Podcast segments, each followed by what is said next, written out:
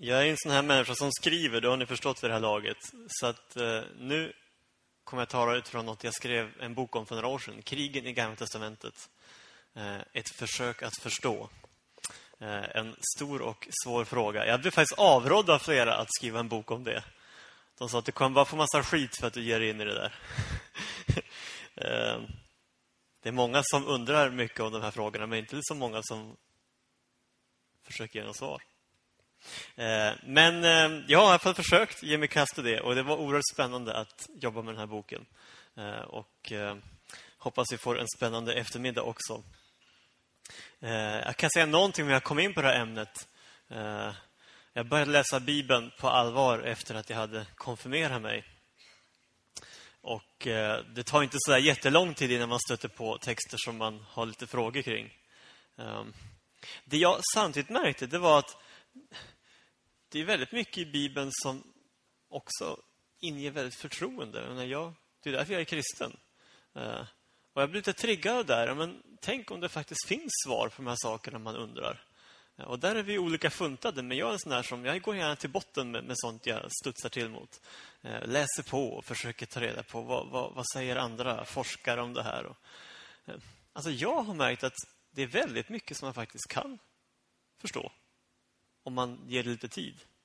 Um, när jag läste teologi på Johannelund, EFS skola i Uppsala, så fick vi en gång skriva en uppsats över ett valfritt ämne och tänkte, ja men nu ska jag ta tag i det här med krigen i Gamla Testamentet. Det har jag gått och undrat så länge. Och då fick jag bland annat läsa en bok av en amerikansk författare som var riktigt bra. Och jag bara insåg att vänta nu, det fanns ju så mycket här som jag aldrig hade tänkt på eh, som den här författaren tog fram. Och sen har jag läst ganska mycket mer. Först och främst i, Bibeln själv, men också vad andra har skrivit. Och det har slutat med att det blev en egen bok. Eh, och som sagt, det är många som har frågor om det här men väldigt få som skriver eller talar om det. Så att eh, det är kul att ni också har tagit chansen att, att få fördjupa sig i det ämnet. Eh, jag ska ge er några exempel på hur man kan tänka om krigen i Guds namn i Bibeln.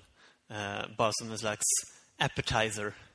Eh, några vanliga förhållningssätt det första som jag tycker är ganska vanligt i kyrkan i alla fall, det är att man helt enkelt struntar i de här texterna. Nej, men typ, de tillhör Gamla Testamentet, så varför bry sig? Någon som har hört det? Eh, det är säkert olika i olika sammanhang. Men jag har mött det ibland. Varför bry sig om det? Vi har ju Nya Testamentet, vi har Jesus. Alltså behöver vi inte rota i det där gamla. Eh, det är inte så lyckad strategi som det kan låta, om man nu tycker det. Eh, för Gamla testamentet var ju Jesu bibel. Alltså den bibel han läste var Gamla testamentet. Och Paulus han skriver så här i Andra Timoteus 3. Hela skriften är utandad av Gud och nyttig till undervisning, till bestraffning, till upprättelse och till fostran i rättfärdighet det skrev Paulus. Och när Paulus skrev det här så fanns inte heller Nya Testamentet. Så det han talar om är alltså Gamla Testamentet. Att hela Gamla Testamentet är utandat av Gud. Och det är till nytta för oss när vi ska undervisa. Bestraffa, säger han också. Upprätta, fostra. Um, då blir det lite konstigt att säga att vi inte ska bry oss eftersom det hör till Gamla Testamentet. Eh, ett annat vanligt sätt att, att tänka kring de här texterna eh, det är att man mer ser dem som allegorier, alltså bildspråk. På medeltiden var det här väldigt vanligt att man, man utlade egentligen stora delar av Bibeln som, som bildspråk. Eh, och då till exempel så pekar man på den ganska tydliga parallell som finns mellan Israels strider mot fysiska fiender och den kristna kyrkans kamp mot andliga fiender.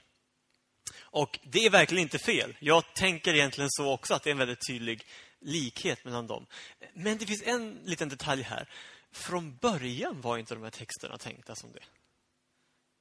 Alltså när, när det från början skrevs ner texterna om krig i Gamla Testamentet, då såg man det inte som bildspråk, utan då såg man det som historiska skildringar av vad som faktiskt hade hänt. Så även om det är okej okay att vi kanske idag tänker att ja, men vi kan se det som en bild för den andliga kampen. Fine, det kan vi. Men det är inte hela sanningen om de här texterna de handlar också om verkliga krig mot verkliga fiender. Och det är ju det som är problemet, så att säga. Det är det som gör det här utmanande. Men det finns andra sätt att tänka hur man då ska hantera just den här utmaningen. Och jag har mött också det i, i kristna sammanhang ganska många som faktiskt ifrågasätter det som står. Man kanske säger så här, nej men det var, i, det var Mose som hittade på att Gud ville att folket skulle kriga. Det var ett bra sätt att få folk att liksom vara motiverade att ge sig i fält. Ja, men Gud vill det. Egentligen så var det Mose som hittade på det, men, men det lät ju bra och han fick med sig soldaterna. Ehm, det tycker jag skapar andra väldigt stora problem. För klart, om Mose står och blåljuger om det här så finns det rätt mycket annat som Mose säger som man undrar om han hittar på också.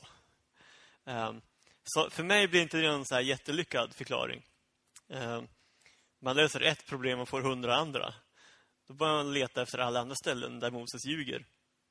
Och eh, ja, om man säger så här, han talar rätt mycket om krig. Så det är inte ett ställe vi talar om då, utan det är rätt många. Eh, då finns en annan variant. Och den är ju väldigt populär idag. Det är att man säger att det handlar om olika gudar. Det här är Jonas Gardells eh, stora bidrag till svensk teologi. att han hävdar att eh, det är inte alls den kristne guden det här, det är någon annan gud. Eh, han kom ju ganska nyligen med en bok som heter Om Jesus, men innan dess så kom det en bok som heter Om Gud. Och eh, där skriver han bland annat så här, och det här är ett citat. Flera av de gudsbilder som Bibeln ger oss har demoniskt ursprung. Han hävdar helt enkelt att ganska många av de här berättelserna i Gamla testamentet som vi kanske tycker är svåra, eh, det är demoner som verkar där. Det är inte den kristne guden. Och vår uppgift som kristna blir då helt enkelt att läsa Bibeln och vaska fram vad är den kristne guden och vad är en demon. Eh, och det är det han då gör i sin bok om Gud. Ehm, det är väldigt praktiskt på ett sätt, för då behöver man ju aldrig brottas med bibeltexten. Allting som verkar jobbigt kan man ju bara säga, nej men vi lägger det på demonhögen. Ehm, men det är ju väldigt speciellt. Jag menar, eh, Johan Skardell måste då använda helt andra kriterier än Jesus gjorde, för han ansåg att hela GT var Guds ord. Än hela den tidiga kyrkan ansåg också att det var Guds ord. Och ämna apostlarna och så vidare. Så ni kan nog ana att jag är tveksam till Gardells lösning. Samtidigt, Gardell ringar ju in saker som det är många av oss som brottas med. Så det ska han ju ha all respekt för. Han har ju rätt i att det här är svåra texter. Men jag tror han gör det väldigt lätt för sig när han gör som han gör. Eh, när Bibel 2000 kom ut för drygt tio år sedan så var det en statlig bibelöversättning. Det var svenska staten som betalade för att man översatte. Och Det blev rätt mycket diskussion i media när, när den här bibeln kom ut. Jag menar, det var mycket positivt, men man också diskuterade om det var rimligt att staten skulle betala för en sån här sak. Och En sak som då vissa tyckte var att hur kan våra skattepengar gå till en bok som är så barbarisk och grym?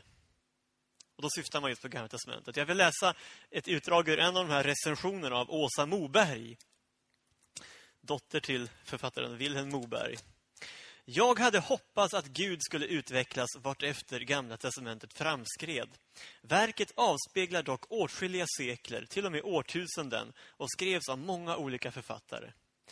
Men tyvärr, ända fram till slutet av de kanoniska böckerna förbannar han, hotar, hämnas, straffar och lovar guld och gröna skogar åt de som lyder och prisar honom. Den banbrytande språkforskaren och psykohistorikern Julian James har karaktäriserat språket och beteendet hos GTs gud som typiskt för en psykotisk mördare. Herren är ett samlingsporträtt av många tyranniska stamfäder i patriarkatets ursprungsfas. Pampiga ord här. När de hade att till varje pris kämpa ner de rådande gudinnekulturerna. Därav de extrema aggressionerna, terrorn, storhetsvansinnet, den patologiska svartsjukan. Herren skulle kunna vara läromästare åt Attila, Hitler, Stalin, Idi Amin, Saddam Hussein, Milosevic och grabbarna. Han är fullblodsnazist med modernt språkbruk. Och det är ju vad nyöversättningen eftersträvar. Japp. Um, jag kan säga att det blir rätt mycket debatt i den här artikeln. Och, och menar, en sak i det här, att kalla judarnas gud för fullblodsnazist är ju... Jag menar, det, det, är osmakligt, det är bara förnamnet. Ehm, men ehm, ja, det är mycket här som är rätt speciellt. Eh, och hon går ju på. Eh, men återigen, ja, det är många som tänker så här.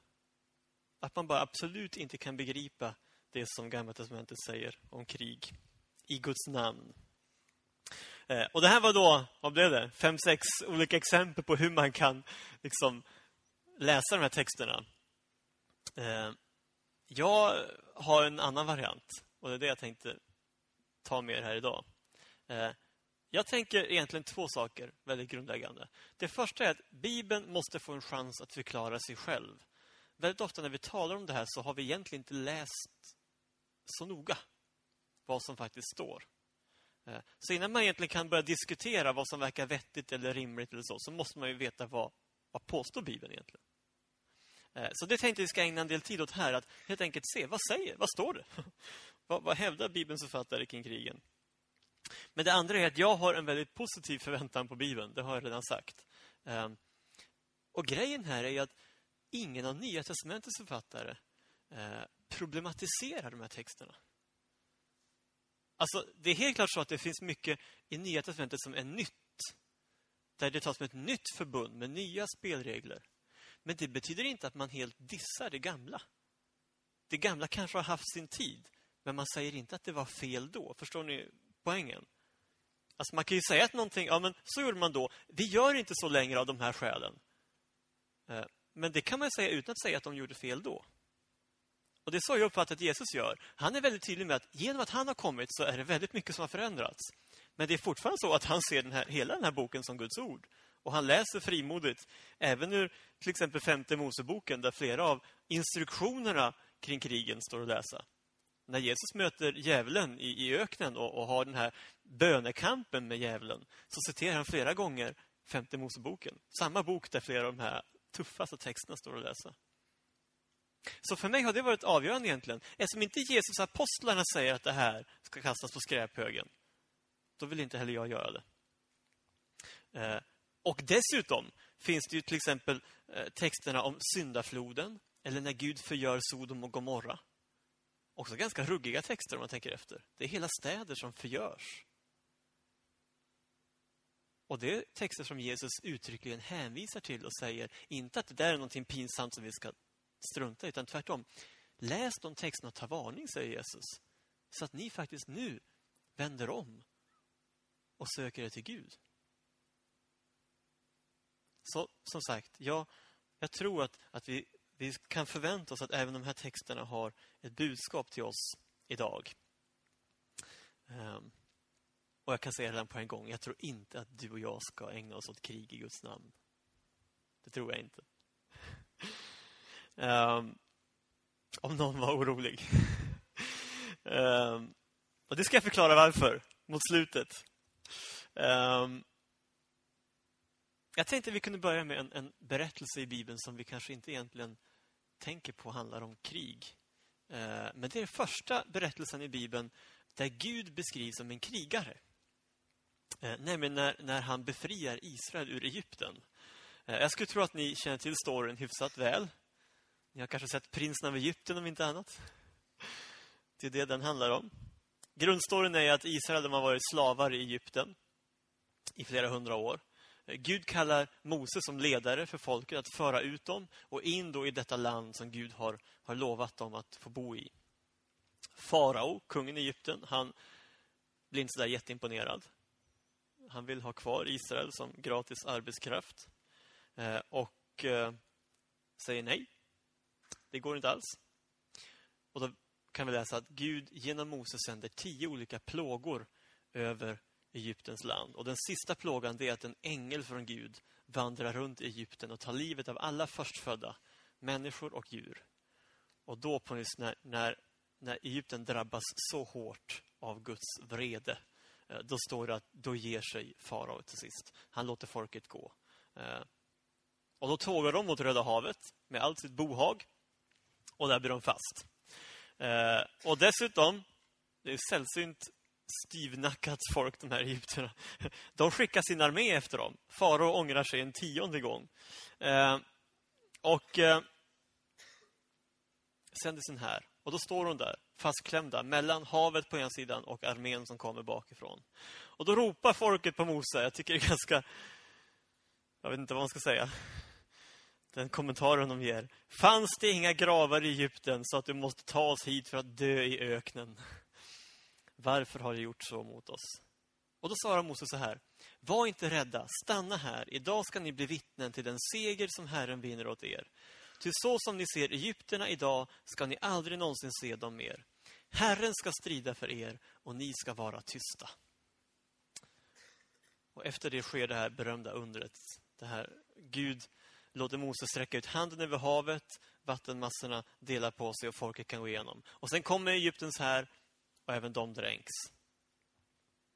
Och det är Bibelns första krig. Beskrivning av Gud som krigare. Ehm. Gud ska strida för sitt folk, säger han. Och det är ju ett militärt uttryck. Han ska strida för sitt folk. Och han strider den här gången genom att sänka vattenmassorna över Egyptens här. Och då sjunger, står det i nästa kapitel, sjunger Mose folket en sång. En av de äldsta texterna i hela Gamla Testamentet brukar man räkna med. Och den börjar så här. Jag sjunger till Herrens ära, stor är hans höghet och makt. Häst och vagnskämpe vräkte han i havet. Så fortsätter den här sången om att tala om hur Gud som en krigskämpe eh, krossar fienden, ger motståndarna till intet. Han vräker hästar och ryttare i havet som för, och förtär både fara och hans armé som halm. Eh, och det som är så intressant här, det är att här beskrivs alltså Gud som krigare. Eh, men inte som ett problem, utan som ett ämne för en lovsång. Jag tycker det är lite utmanande. Vi talar ju lätt om problemet med krigen i Gamla Testamentet, eller problemet med att Gud beskrivs som krigare. Men första gången som Gud faktiskt beskrivs som krigare så är det i en lovsång. Vad underbart att Herren är en krigare. Ja.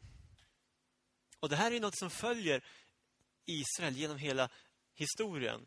Att Särskilt det här att de fördes ut ur Egypten och, och den här räddningen när de förs genom havet. Det är på en vis, man brukar tala om the defining moment.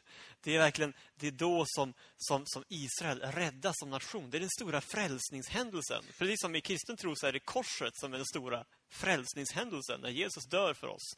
Ja, för judarna så är det det här, när man förs ut och genom Röda havet, som är den stora händelsen. Och då uppenbarar sig Gud som krigare.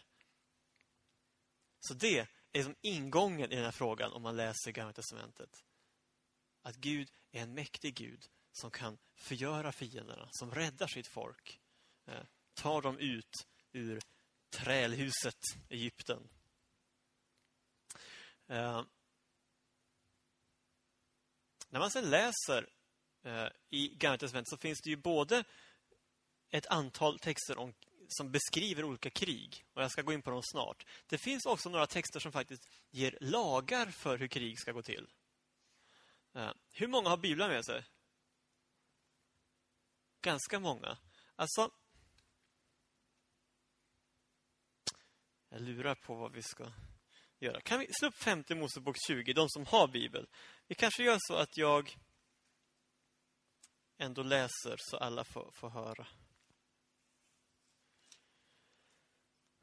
Eh, jag börjar därför att läsa det som har rubriken krigslagar. När du drar ut i krig mot dina fiender och får se hästar och vagnar och ett folk större än du, ska du inte bli rädd för dem, ty Herren din Gud som förde dig upp ur Egyptens land är med dig. När ni står beredda att gå till strid ska prästen träda fram och tala till folket. Han ska säga till dem, hör Israel, ni står idag beredda att gå till strid mot era fiender. Låt inte era hjärtan vara modlösa. Var inte rädda, bäva inte för dem och var inte förskräckta. Ty Herren er Gud går själv med er för att strida för er mot era fiender och ge er seger. Och till tillsyningsmännen när tillsynsmännen ska säga till folket om någon har byggt sig ett nytt hus men ännu inte invigt det må han vända tillbaka hem så att inte en annan kommer och inviger det om han själv faller i striden. Om någon har planterat en vingård men ännu inte fått skörda frukten från den må han vända tillbaka hem så att inte en annan kommer och skördar frukten av den och han själv faller i striden. Om någon har trolovat sig med en kvinna men ännu inte har tagit henne till sig må han vända tillbaka hem så att inte en annan tar henne till sig om han själv faller i striden. Vidare ska tillsynsmännen till, säga till folket om någon är rädd och har ett modlöst hjärta må han vända tillbaka hem så att inte också hans bröders hjärtan blir lika modlösa som hans eget. När tillsyningsmännen har avslutat sitt tal till folket ska befälhavaren över hären tillsättas och dessa ska gå i spetsen för folket. När du kommer till någon stad för att strida mot den ska du först erbjuda den fred. Om den då ger ett fredligt svar och öppnar sina portar för dig ska allt folket som finns där bli arbetspliktigt under dig och tjäna dig. Men om den inte vill ha fred utan vill föra krig mot dig, då ska du belägra den. Och när Herren din Gud ger den i din hand ska du slå alla av mankön där med svärd. Men kvinnorna, boskapen, barnen och allt annat som finns i staden, ja, allt rov ska du ha som ditt byte. Du ska njuta av det rov som Herren din Gud har gett dig från dina fiender. Så ska du göra med alla de städer som är mycket långt borta från dig och som inte hör till dessa hedna folks städer. Krigslagar i femte Mosebok 20. Nu kan ni bara vända er mot varandra, tre och tre. När ni har lyssnat på det här, och ni som har biblar öppna kan ju tjuvtitta en gång till. Vad väcks för tankar, reflektioner, frågor utifrån det, det ni just hörde? Krigslagarna i femte Mosebok. Det finns väl mycket att säga om det här, men ni kan väl bara dela några iakttagelser eller frågor. Ja, just det. Eh, jag, eh, det är en bra fråga, viktig fråga. Jag återkommer till det. Frågan är alltså det här med att njuta av rovet. Vad betyder det egentligen? Ja, mm, bra fråga. Fler? Ja, det är ganska speciellt, eller hur? typ alla som inte vill få hem. Mm, mm. Männen blir nedhuggna, de, ja precis. Inte om de säger ja. Så är det. Krig är inte rättvist. Ja, de sa att anta att det är några som inte vill fightas så drabbas ju de av stadens beslut. Men, men så är det ju alltid. Det gäller ju även hela nationer om man har en galen härskare. Det har ju hänt rätt många gånger, tyvärr. Även idag. Ja, ja det är precis sant så. Vad skulle du föredra?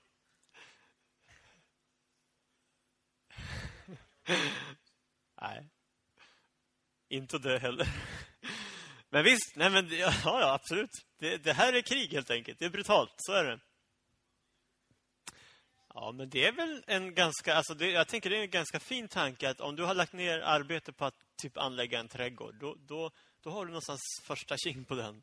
Uh, och ännu bättre när det gäller din egen fru. Uh, då är första king på henne också. Uh, Och, ja, nja, vi, vi återkommer till det. Fiendens fruar. Nej, jag tror faktiskt inte det. Helt ärligt. Men ja.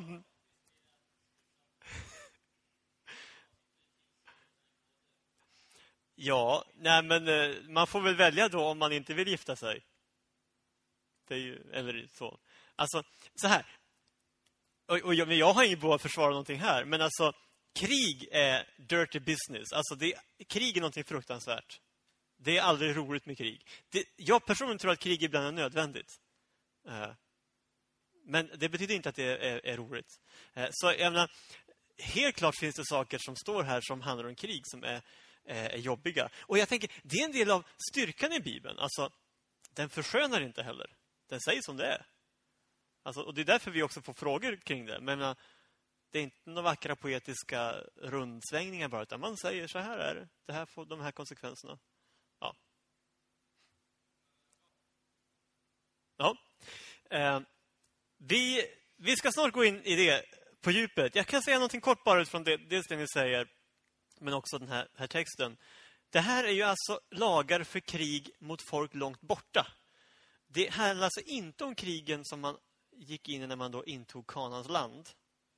För det är de jag tänkte att vi ska säga nästan mest om här idag. För de är ju de som vi nog ryggar mest inför, det är ju utrotningskrigen. För där dödar man ju män, kvinnor och barn. Eh, utrotar befolkningar. Eh, och eh, det tycker jag är, är, den svåraste biten att hantera. Krig är aldrig roligt. Och, och eh, Jag vill ändå skilja på de två olika typerna av krig. Det här är vanliga krig. Politiska krig. Alltså, det har varit så under hela mänsklighetens historia att människor har kommit på kant med varann och man har tagit till vapen. Då har man krigat. Ehm, det står ingenstans här varför man har krigat. Vi tar till exempel för givet att det är Israel som anfaller, men det står ingenstans. Det kan faktiskt vara så att det är fiendelandet som har anfallit, men man stå, kommer ändå i den situationen att man, man står utanför stad och ställer den här frågan. Nu är det Freja som vill säga något ändå. Ja, jag tror du var först i sig. Mm, mm. Ja, just det. Jo, det, det, är helt sant. I det politiska livet på den här tiden så var krigen ett vanligt inslag. Ja. Ehm, um, i, mm.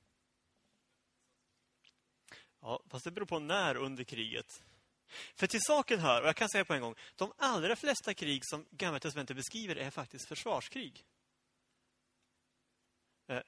Just under Davids regering så var det flera erövringskrig. Men det är ganska svårt att säga vad som är vad. För att, kom ihåg, Israel låg ett litet land mellan två stormakter. Assyrien eller Babylonien och Egypten i söder. Och det var ständiga liksom, spänningar i hela regionen. Och någonstans blir faktiskt frågan ibland... Eh, för vi säger ju ofta så här, nej men krig är alltid fel. Eller, eller det är alltid fel av Israel att kriga. Men säger vi det ska vi också vara medvetna om att då är man beroende av att grannarna är vänligt sinnade. Eller hur? Om jag inte får kriga, om mina grannar krigar, då blir jag utplånad. Mycket enkelt. Um, eller enkelt vet jag inte om det är, men det är i alla fall enkel matematik. Uh, och, och, jag tror så här att väldigt många av krigen som, som utkämpas i Gamla testamentet är faktiskt försvarskrig. Där det är andra krafter som trycker på.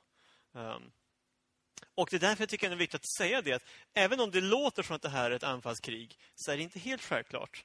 Eh, men jag vill säga några saker. En sak som är väldigt tydlig från början är att Gud är inblandad, eller hur? Det står ju att det är Gud själv som drar i spetsen för Herren. Eh, det här handlar ju egentligen om en sån enkel sak som att Israel är en teokrati. Vet ni vad det är? Typ, ja, en gudsstat. Alltså en, en, ett land där, där det är Gud, eller en gud som är kung. Eh, Egypten var ju en sån stat också för den delen. Där sa man att farao var Gud. Eh, men det gills inte riktigt, tycker jag det är ju när det verkligen är den sanne guden som är Gud och som är kung, som man kan säga att det är en, en verklig teokrati. Och Israel var enligt Bibeln en sån. Det innebar att Gud var intresserad av alla delar av också det politiska livet. Eh, och krig var en del av det politiska livet. Men Gud var inblandad i alla andra bitar också. Vi tänker lätt att krig är en, en särskild sak. Och det är det på ett sätt. Men, men, men för Israel så var det mer så att Gud var inblandad i allt, också i krigen. Är ni med? Vi, tänk, för vi, vi, vi, vi ser ju krigen som en, en, egen grej, men, men Gud var inblandad i, i, i vad man skulle äta på bordet. Uh, vi, vilka man kunde gifta sig med. Hur, menar, alla relationer, alla bitar. Det finns lagar för alla möjliga bitar. Och för krig. Men som sagt, det är en del av en helhet. Och det handlar om att Gud är högsta hönset och har också så att säga, åsikter, lagar som, som berör alla olika områden av livet. Men sen ser vi då att det är oerhört generösa, man talar ibland om dispensregler. Man söker om dispens, frisedel. Eh, och man kunde sagt få dispens om man skulle gifta sig men också om man skulle skörda vingården till och med om man var rädd. Men det här har ett djupare budskap. Det betyder ju att det som räknades för Israel var inte hur många soldater man hade i armén i första hand. Utan vem som gick i spetsen för hären. Alltså att det var Gud som stred för dem. Det finns ett häftigt exempel på det här i Domarboken. När Gud söker upp en man som heter Gideon och ber honom att gå i spetsen för en armé som ska befria Israel från förtrycket. Då var det ett folk som hette Midjaniterna som hade erövrat Israel. Och de hade en armé på 120 000 man. Men Gideon han lyckades till slut få ihop en armé på 30-40 000. Och var väl hyfsat nöjd med det. Och kommer med den inför Gud. Och vad säger Gud?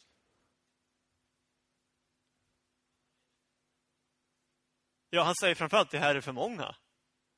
För om ni vinner över midjaniterna med så här stora medel, då kommer ni tro att det är ni som har lyckats med det här. Att ni har gjort det i egen kraft. Så få bort några. och då får han ner det till 10 000. Och Gud tittar på det och säger, Nej men still too many. ni kommer fortfarande tro att ni fixar det här på egen hand. Till slut är de 300 pers som ska gå mot 120 000. Och då är det rätt uppenbart. Vinner man med 300 pers mot 120 000, då är det inte för att man själv är störst, bäst och vackrast. Eh, utan det Gud gör är att han sänder en förvirring i fiendeläget så att de börjar förgöra varandra och det blir kaos. Och faktiskt så vinner Israel segern. Och det här är på en princip i hela, hela Bibeln. Att Gud utmanar oss att låta honom få stå för kraften. Eh, inte genom någon människas styrka eller kraft ska det ske, utan genom min ande, säger Herren. Det är en sån här känt bibelord som också finns en, en, en lovsång som, som man kan sjunga. Eh, icke genom någon människas styrka. Så poängen med att Gud har de här reglerna för krigen, det är att det är han som står för styrkan. Inte bara när det gäller krig, utan egentligen också när det gäller allt annat. Men också när det gäller krig. Eh, sen står det faktiskt att man ska börja med att erbjuda fred. Eh, det kan låta så här eh, halvhjärtat. Eh, men för sen ska vi ändå döda alla män då, som det står instruerat. Alltså man ska döda de som utgör ett militärt hot. Eh, men om man jämför det här med till exempel en del av grannfolkens texter om krig, till exempel assyrierna. Så där finns det ett helt annat... Man hyllar det brutala. Det talas om krigsgudar som vadar i blod och liksom man, man gottar sig i det brutala. Eh, och jag brukar säga så här att eh, Israel krigade, men de var inte krigiska. De förhärligade inte kriget. Man kan ändå tycka att ja, ja, men det var ju ändå krig och det är ju ett problem. Och det fine. Men det är ändå en liten gradskillnad jämfört med en del av de andra folken. Eh, det finns också andra lagar för krig. Och en av de lagarna berör det som de frågade här, eller båda egentligen. Det ena är att femte Mosebok 23, vers 9 och 10. Ni behöver inte slå upp det nu, men ni kan ju anteckna ni som vill. Där finns det lagar som säger att man, när man är i fält, måste hålla sig sexuellt avhållsam. Man får inte ligga med någon helt enkelt när man är i strid. Inte ens om man är gift med andra ord. Men konkret innebär ju det att sannolikt var det väldigt lite av krigsvåldtäkter i de här krigen. Eh, det är ju tyvärr en ganska stor del av särskilt modern krigföring. Det har ju blivit värre dessvärre. Eh, men det finns tydliga lagar som, i alla fall om Israel höll sig till dem, så var det inga våldtäkter i krigen. Det finns också i kapitel 21 i femte Moseboken lagar hur man ska behandla krigsfångar. Och där finns det tydligt reglerat också vilka rättigheter kvinnliga krigsfångar hade. Ehm, så man fick inte bete sig hur som helst mot dem. Ehm, och vi ska komma ihåg att det här var ju på en tid när inga andra folk överhuvudtaget hade några rättigheter för krigsfångar eller slavar överhuvudtaget. Ehm, så eh, det finns i alla fall lite där som man, som man kan eh, ta med sig eh, och se att, att eh, man hade tänkt till kring, kring vissa bitar. Eh, jag tänker som sagt så här. Det här är mer politiska krig. Det kan man alltid diskutera. Det är en stor fråga för många kristna också. Är det rätt för mig som kristen att göra militärtjänsten till exempel? I Luthers tradition har man ju ofta sagt ja. Ibland till exempel vissa delar av pingströrelsen och baptiströrelsen har det varit lika självklart att säga nej. Eh, det kan man fundera mycket på. Eh, men det vi vet är att eh, Israel, där krigade man. Och man var också i ett läge där man kanske inte hade kunnat existera så länge om man inte hade gjort det.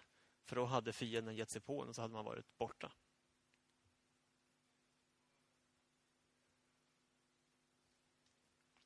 Ja, alltså... Om man tänker ägodelar och djur är det ganska självklart. Det blir med att man tar över. Eh, när det gäller barnen och kvinnorna så blir de slavar. Eh, och eh, det fanns möjlighet att gifta sig med en slavinna. Men då fick hon också samma rättigheter som en, en gift kvinna. Eh, så man kunde så inte utnyttja henne på det sättet. Det var de här lagarna till för. Och ni kan ju läsa själva i kapitel 21. Sen kan jag också tycka att det uttrycket är lite speciellt. Men man behöver bara bläddra en sida så får man i alla fall lite förklaring till vad det innebär. Jag tänkte inte att vi skulle stanna så mycket längre vid det här. Men det här var bara en, en, ett exempel på hur Bibeln faktiskt jobbar med det här med krig. Eh, men det här är vanliga krig, politiska krig. Eh, nu ska vi titta på en annan typ av krig som är egentligen betydligt mer utmanande, tycker jag. Och det är utrotningskrigen. Mose instruerar sina landsmän hur de ska inta löfteslandet. När Herren din Gud för dig in i det land du kommer till och tar dig i besittning driver han undan många folk för dig.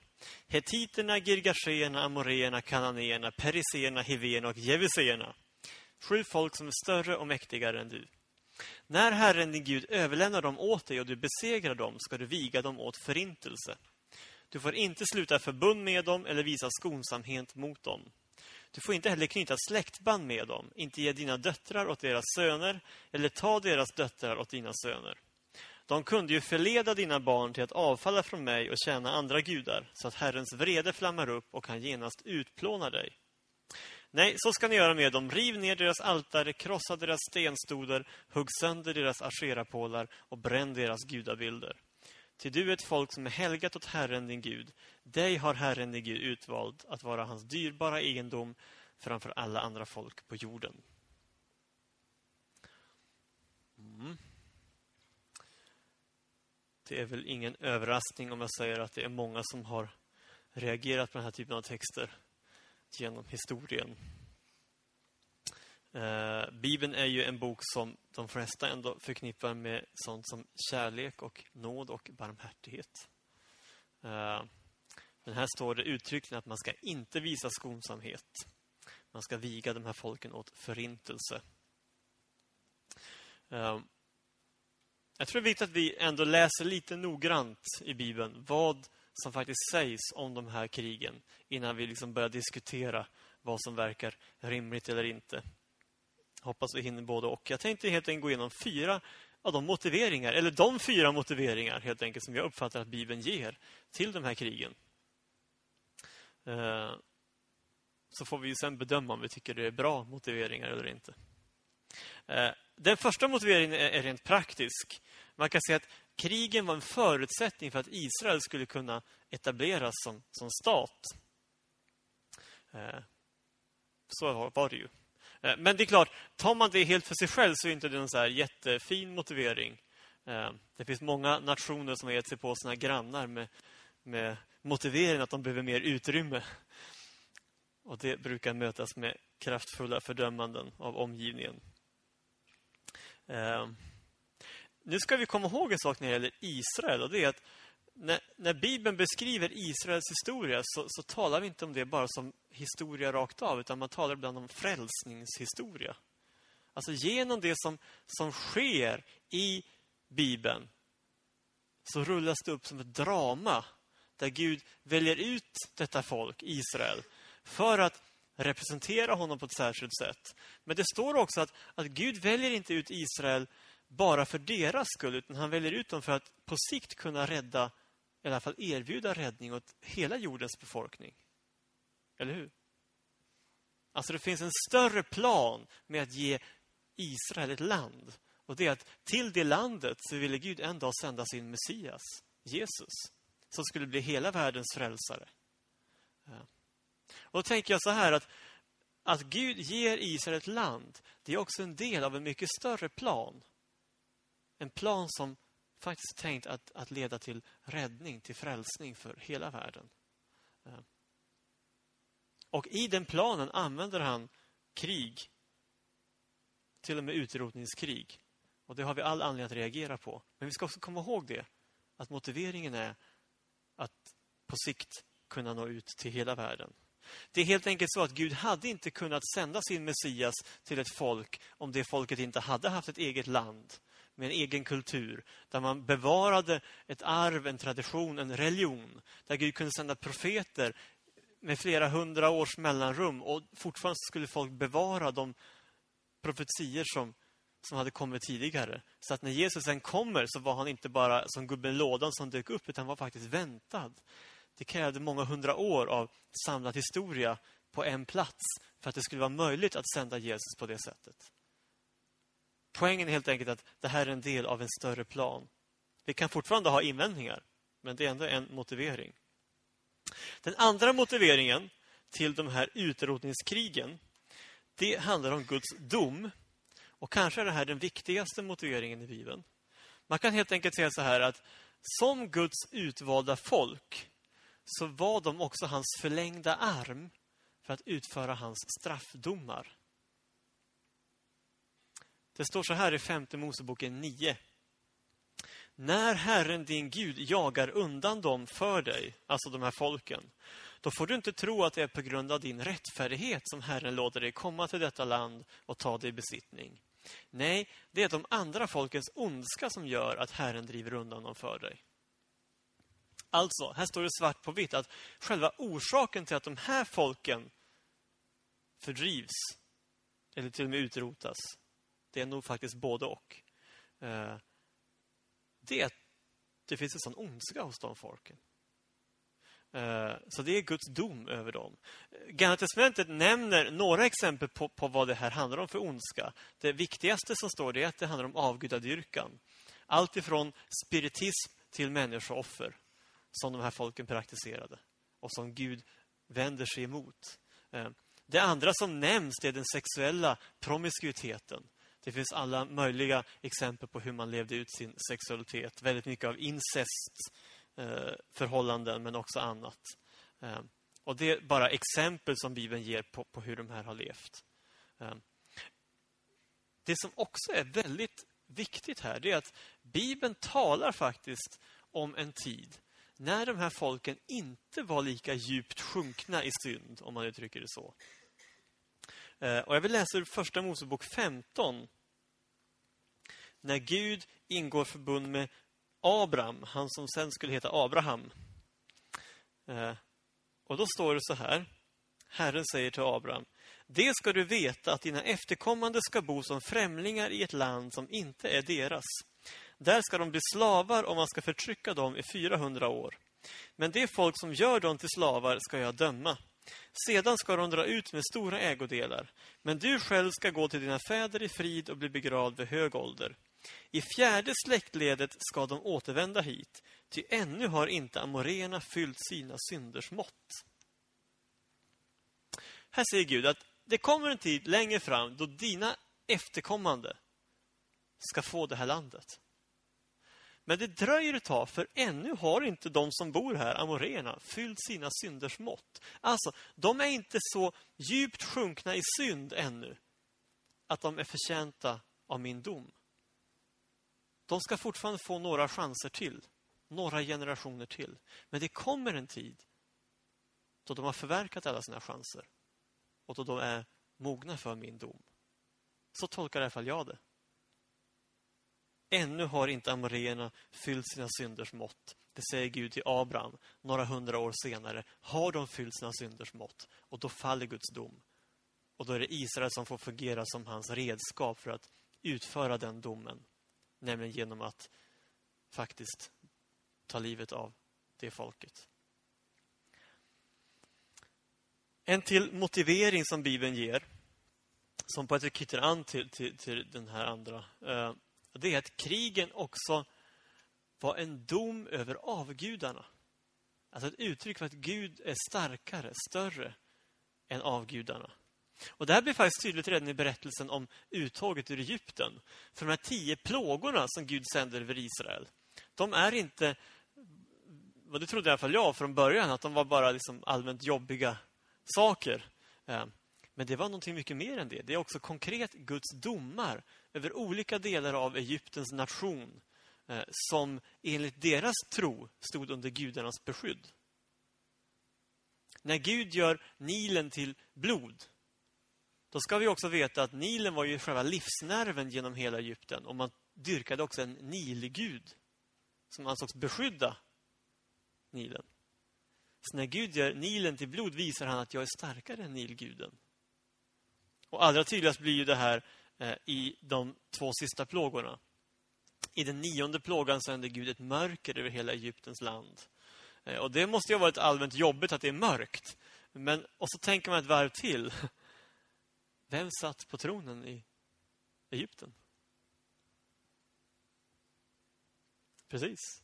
Solgudens son. Så när Gud sänder ett mörker över Egypten så är det också en dom, ett bevis på att han är starkare än er nations beskyddare, än solguden. Och allra tydligast blir det kanske egentligen i sista plågan. När Gud tar livet av alla förstfödda, både människor och djur, då visar han att inte ens tillsammans kan Egyptens gudar beskydda folket om Herren vänder sig emot dem. Det står så här i Andra Mosebok 12. Den natten ska jag gå fram genom Egypten och döda allt förstfött i landet, både människor och boskap. Och alla Egyptens gudar ska drabbas av min dom. Jag är Herren. Jag tror det är viktigt att säga också utifrån det här att poängen med att Gud gör så här det är ju inte bara så att, säga, att peka finger åt Egyptens gudar och säga att Nej, men ni håller inte måttet, jag är störst, bäst och vackrast. Eh, det är inte det som är Guds attityd. Eh, det är ju trots allt